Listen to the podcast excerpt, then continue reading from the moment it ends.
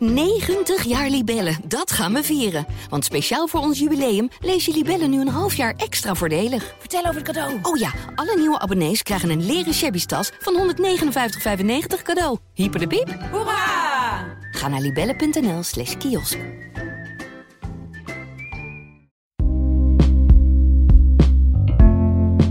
Hallo, mijn naam is Shaila Singh en dit is de Volkskrant Elke Dag. En dat is de dagelijkse podcast van de Volkskrant waarin we met de experts van de redactie spreken over de veranderende wereld.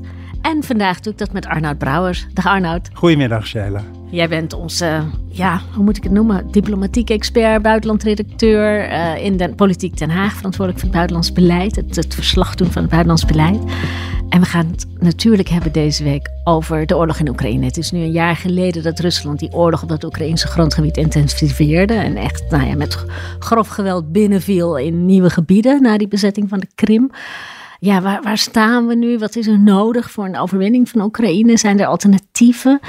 Om te beginnen, je was in München op een veiligheidsconferentie die er elk jaar is waar ook dit soort vraagstukken aan de orde kwamen. Ja. Wat was dat voor plek en wat heb je daar opgehaald aan informatie? Um, nou ja, die, die veiligheidsconferentie die bestaat al heel lang, sinds de jaren 50 van de vorige eeuw. Dus dat is echt een, uh, eigenlijk een, was een koude oorlog conferentie uh, waar, waar de Duitsers met de Amerikanen en andere Europeanen vooral uh, spraken over, over zaken die toen speelden. En waar de Russen wel of niet kwamen? Toen niet, nee. maar uh, na de Koude Oorlog is het totaal veranderd. En is het juist een, uh, wat de Financial Times dan het Davos voor Defensie noemt geworden. Dus juist met iedereen erbij. En zeker ook de Russen.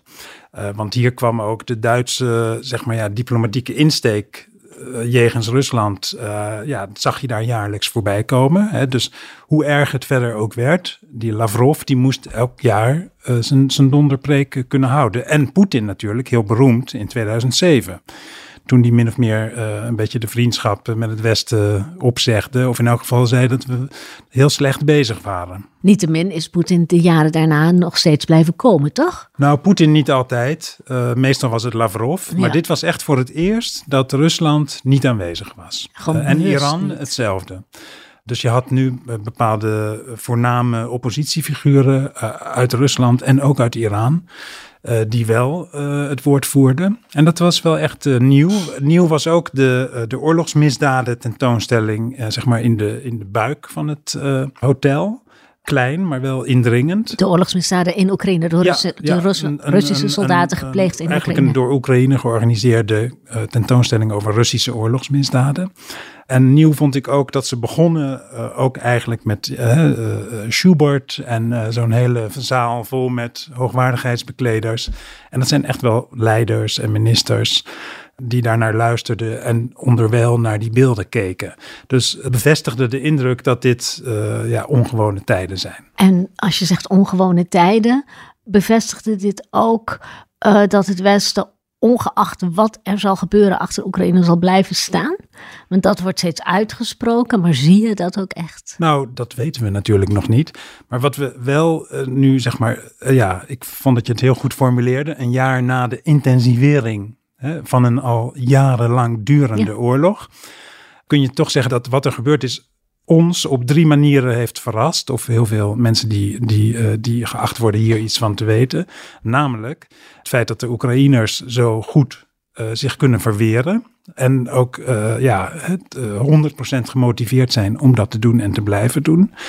Maar ook de, de totale, ja, zeg maar het onderpresteren van de Russische strijdkrachten heeft natuurlijk ook heel veel experts in het Westen eigenlijk zeer verbaasd. Want, ja, dat uh, machtige Russische Rode Leger. Precies. Ja. En ook uh, alle, alle uh, um, achtenswaardige denktanks en zo, die hadden allemaal, die verkeken zich toch op het, zeg maar, de materiële statistieken. En gingen toch een beetje te veel voorbij aan zeg maar, de chaos die Rusland ook is. Hè, en de corruptie. En ook aan, aan uh, hele ouderwetse dingen als de rol van, van motivatie. Dus dat zijn eigenlijk twee verrassingen. En de derde verrassing is natuurlijk uh, westerse eensgezindheid. Dat merkte je in München uh, ook heel goed. Maar de vraag die jij stelt, die stelde ik me ook, zeker aan het einde ervan. Want op een gegeven moment gaat je hoofd een beetje toeteren van deze pledges.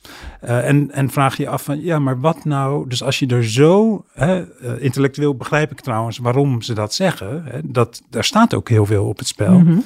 Maar het betekent dus ook dat uh, die westerse landen die Oekraïne steunen, politiek nu zeer gecommitteerd zijn, ook aan hoe het eindigt.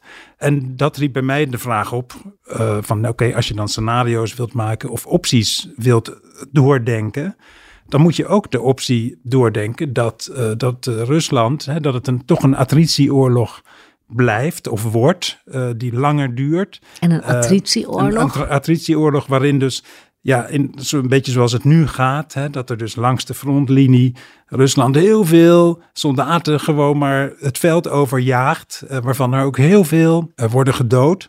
Maar tegelijkertijd uh, met deze manier van oorlogvoering toch hele kleine stapjes vooruit kan maken en tegelijkertijd ook heel veel Oekraïners dood ja. of gewond. En dat is een oorlog die, als die heel lang gaat duren, uh, niet gunstig is voor Oekraïne, omdat ze gewoon minder mensen hebben. Op een gegeven moment ben je door je strijdkrachten ja. heen, ben je uitgeput. Ja. Je ziet ook dat de mensen die Oekraïne, ja, Oekraïne stuurt zijn finest naar de frontlijn. Dat is buitengewoon uh, ja, pijnlijk om dat dagelijks te zien wie het land allemaal verliest. En, en uh, in Rusland is dat toch anders. Het is een veel groter land.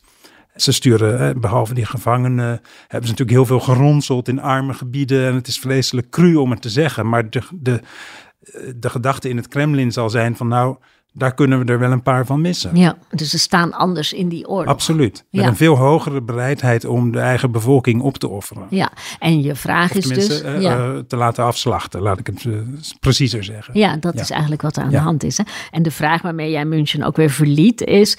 Um, hoe lang kan het Westen dat volhouden als het een dergelijke oorlog blijft? Ja, nou ja, er zijn een paar aspecten aan. Ja.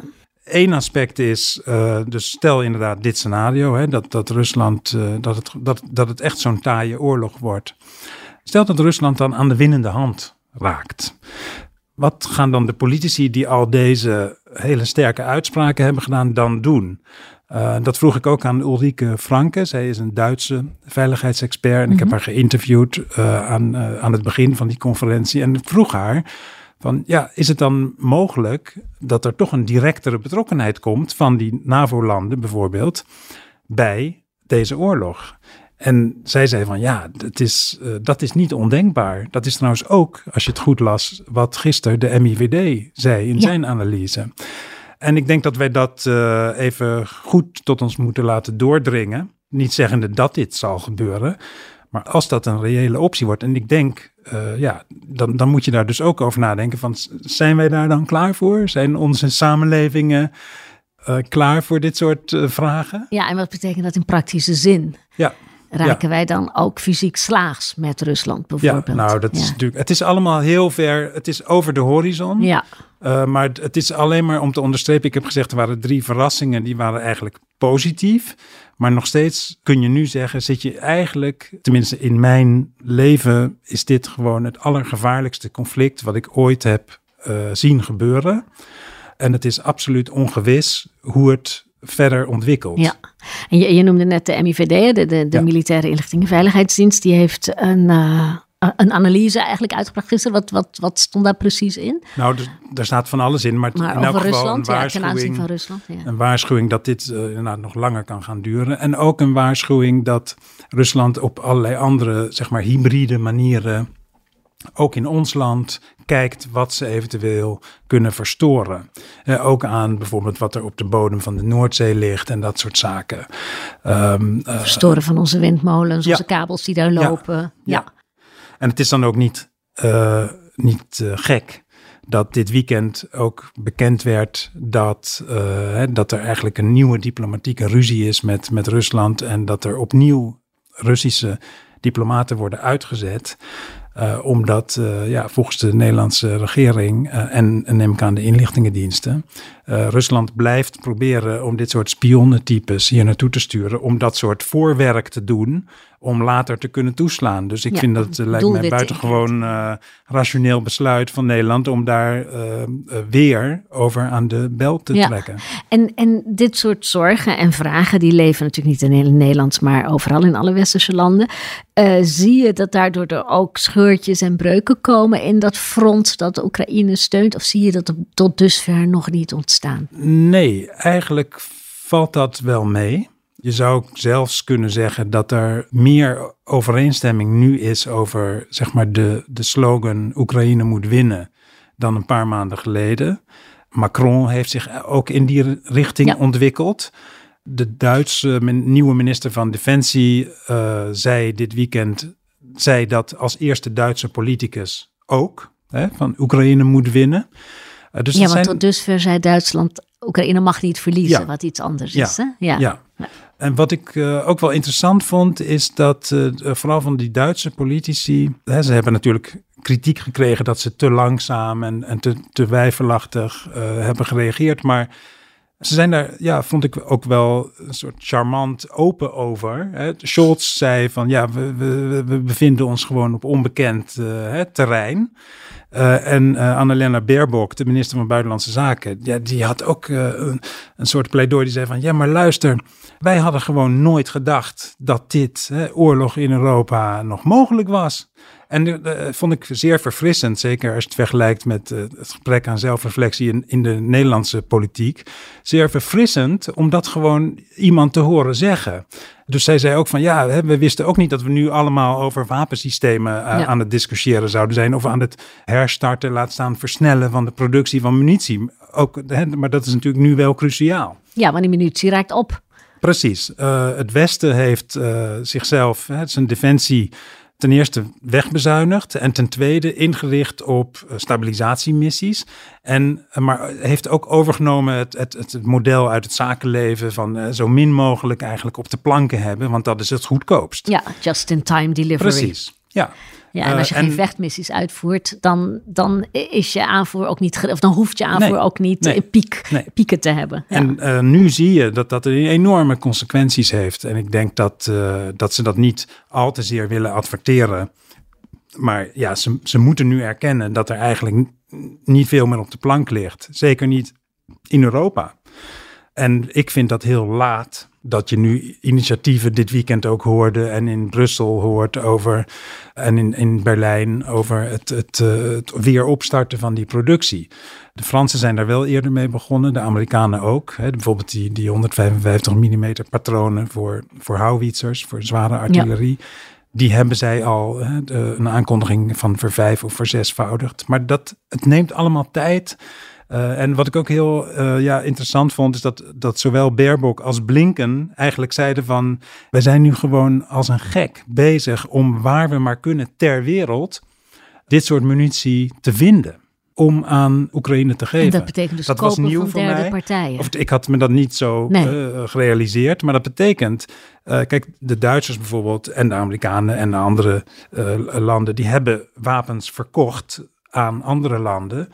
En nu is het dus zo dat, eh, dat zij die landen waarschijnlijk vragen van jongens, wat hebben jullie nog liggen? Ja, Eh, en vooral de munitie. En mogen we kunnen dat wij terugkopen. Ja. Maar tegelijkertijd eh, Dat is om, jij... die, hè, om te overbruggen totdat de, de fabrieken zeg maar Precies, weer, als er ja. Oekraïne niet droog komt te staan. Ja. En, maar tegelijkertijd noteerde jij ook in München dat eh, de landen in het zuiden, zeg maar de andere delen van de wereld, helemaal niet het gevoel hebben dat dit hun oorlog is. Of dat Nee. dit enige urgentie heeft en dat ze hun eigen zorgen en problemen en eigen oorlogen hebben. Dus als die wapens ergens gehaald zullen moeten worden, zal dat vermoedelijk uit die delen van de wereld gehaald moeten worden. Maar die landen voelen die urgentie helemaal niet. Nee, nee, dat was heel duidelijk. Die zeggen, wij hebben echt andere problemen. Ja. Eh, en deze oorlog leidt af van het oplossen van die problemen. Mhm. En ook de geldstromen eh, gaan door deze oorlog eh, richting wapenfabrieken... in plaats van richting oplossen van onze problemen. Dat kwam heel helder, omdat dat was echt wel mooi aan die conferentie eigenlijk. Het kwam heel helder naar boven, omdat iedereen daar is. En het antwoord was eigenlijk ook wel helder, namelijk ja, maar het kan nu niet anders. Uh, dus, uh, en, en daar, da, daar is dan die Baerbock natuurlijk ook heel goed in, want het zijn de groenen en die hebben eigenlijk, eh, een klimaatagenda is ook eigenlijk hun ja. voornaamste prioriteit. En pacifisten en groen, dus die hebben niets te zoeken in zo'n oorlog. Ja. nee, en dus die, maar dat betekent dus ook dat zij heel goed kunnen uitleggen waarom ze nu dan toch doen wat ze nu doen. En daar is natuurlijk in Duitsland wel meer debat over dan hier. Maar um, op een gegeven moment zei eh, de, de, de vicepresident van Colombia, die zei iets van, uh, we shouldn't uh, do militarization, we should focus on humanity. Eigenlijk greep toen de Duitse gastheer, de, de vroegere topadviseur van Merkel, ja, die antwoordde met een soort korte versie van de Duitse geschiedenis sinds Hitler. En die zei van, wij hebben daar ook helemaal niet ons op gericht. Maar, zei hij, eh, zijn one-liner antwoord op haar one-liner leus was... Yes, but Russia is destroying humanity in Ukraine. Uh, dus hij zei min of meer van, ja, wij focussen ook op, uh, op menselijkheid. Die padstelling, daar kwamen ze niet uit. Grotere landen dan Colombia, zoals Brazilië en Zuid-Afrika, die hebben natuurlijk dezelfde ambiguë houding. Uh, waarbij ze eigenlijk zeggen van ja, we vinden het wel erg, maar kun je nu zorgen dat het zo snel mogelijk voorbij is? Ja, dat werd daar niet opgelost. En China? Uh, ja, die zit natuurlijk eigenlijk in het Russische kamp. Ja. Die hadden net voordat uh, 24 februari vorig jaar hadden ze net een soort grenzeloze vriendschap met elkaar beklonken. China is, noemt zichzelf neutraal. Maar wat de Oekraïense minister van Buitenlandse Zaken terecht opmerkte, denk ik, over neutrale landen in dit conflict. Van ja, dit is zo'n duidelijk voorbeeld van agressie. Als je daar neutraliteit in betracht, of je noemt jezelf neutraal, of je zegt het, uh, je moet stoppen met het leveren van wapens, want dan, dan voed je het conflict. Dat is natuurlijk geen neutraliteit. Dat is de facto, sta je dan aan de Russische kant. China was teleurstellend, denk ik, voor vele mensen in München. Begon toch weer een soort donderpreek. Hè? De, de hoogste diplomatieke baas van eh, China, uh, Wang Yi, die begon een, donderpreek tegen de VS. Wat hij dan koppelde aan een soort charme-offensief naar de Europeanen. Maar ik denk dat we op dit moment te serieus in die oorlog zitten om zeg maar dit soort diplomatieke tactische manoeuvres, uh, die werden niet erg serieus genomen. Verder zou er nog een soort Chinees beginselen voor vrede eh, worden gepresenteerd. Dat zal deze week wel gebeuren. Uh, misschien ook wel door president Xi. Maar ja, ook daarvan zijn de verwachtingen niet heel erg hoog. En die vriendschap die China uh, Rusland heeft verklaard, uh, die culmineert niet in het leveren van wapens of van andere materiële steun um, aan ehm, die oorlog. Of weten we dat niet? Dat weten we niet. Uh, dat was nieuw dat de Amerikanen daarover zeiden van wij maken ons daar grote zorgen over. En we hebben informatie dat dat misschien wel gaat gebeuren. En daar hebben ze ook voor gewaarschuwd van doe dat niet. Dat hebben in de Chinezen inmiddels natuurlijk boos ontkend. Stel je voor dat dat zou gebeuren. In wat voor wereld leven we dan? Ik vond ook wel dat er, een, er, er ook iets heel erg vernederends in zit voor Rusland zelf. En voor Poetin vooral. Dat hij op de Chinezen zou moeten leunen. Nou ja, het, je krijgt hier dan een soort. Het, het roept uh, herinneringen op aan, aan de Korea-oorlog.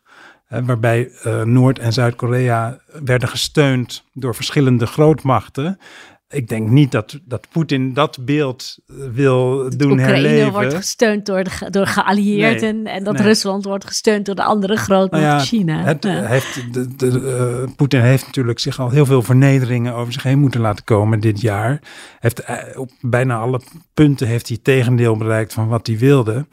Maar ook het, zeg maar, die vriendschap met China, is, daarvan wordt ook door deze oorlog natuurlijk heel duidelijk dat dat geen vriendschap van gelijken is. Nee. Rusland, wat de grootste landmassa ter wereld is. Hè, en, en, een enorm uh, ja, uh, hoog uh, zelfbewustzijn heeft.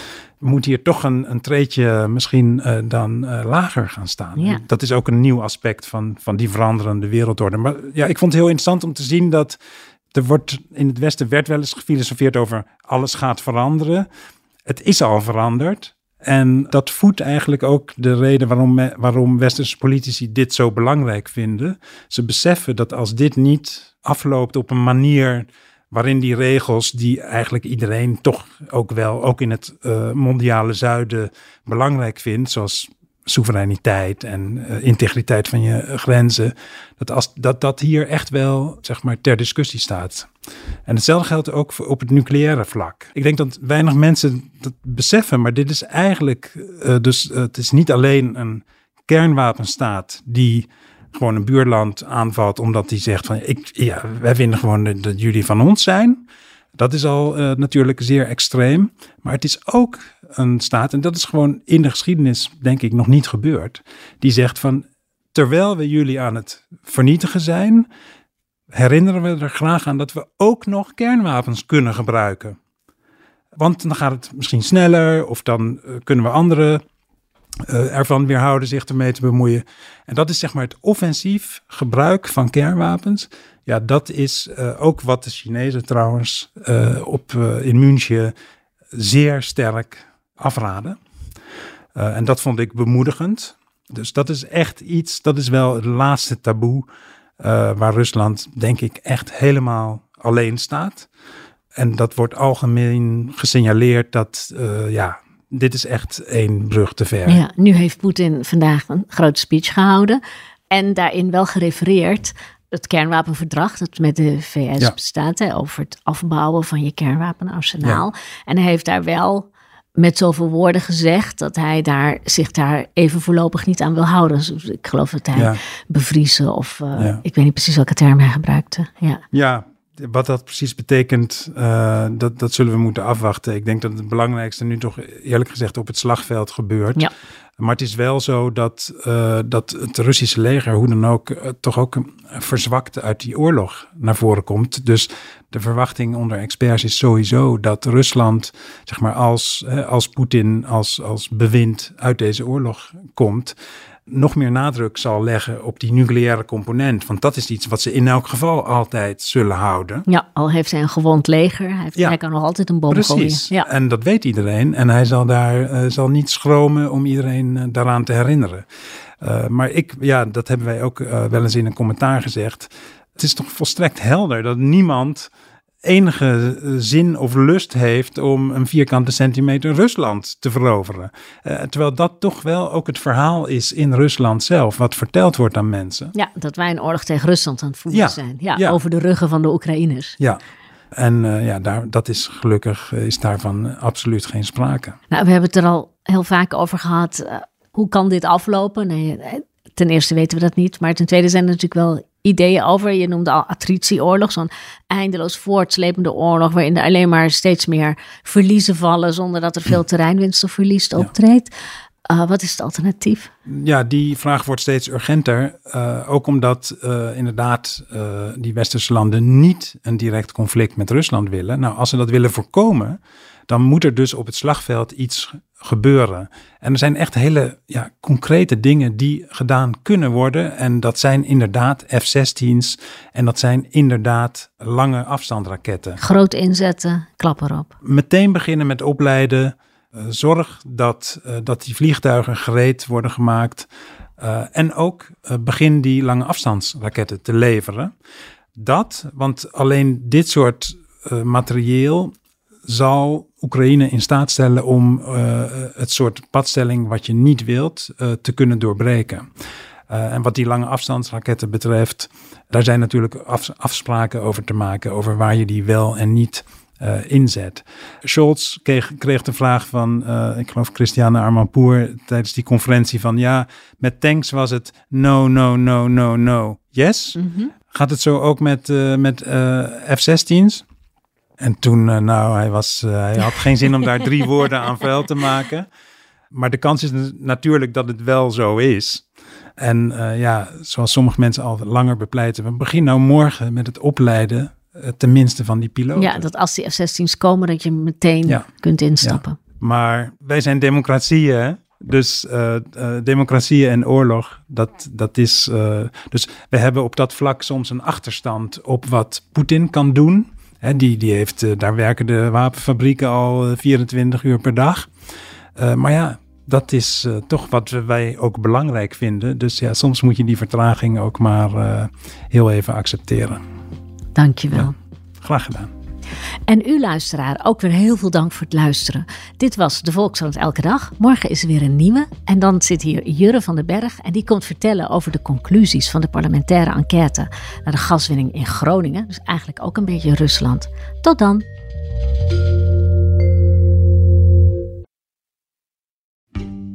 90 jaar Libellen, dat gaan we vieren. Want speciaal voor ons jubileum lees je Libellen nu een half jaar extra voordelig. Vertel over het cadeau. Oh ja, alle nieuwe abonnees krijgen een leren shabby tas van 159,95 cadeau. Hyper de piep. Hoera! Ga naar libellen.nl slash kiosk.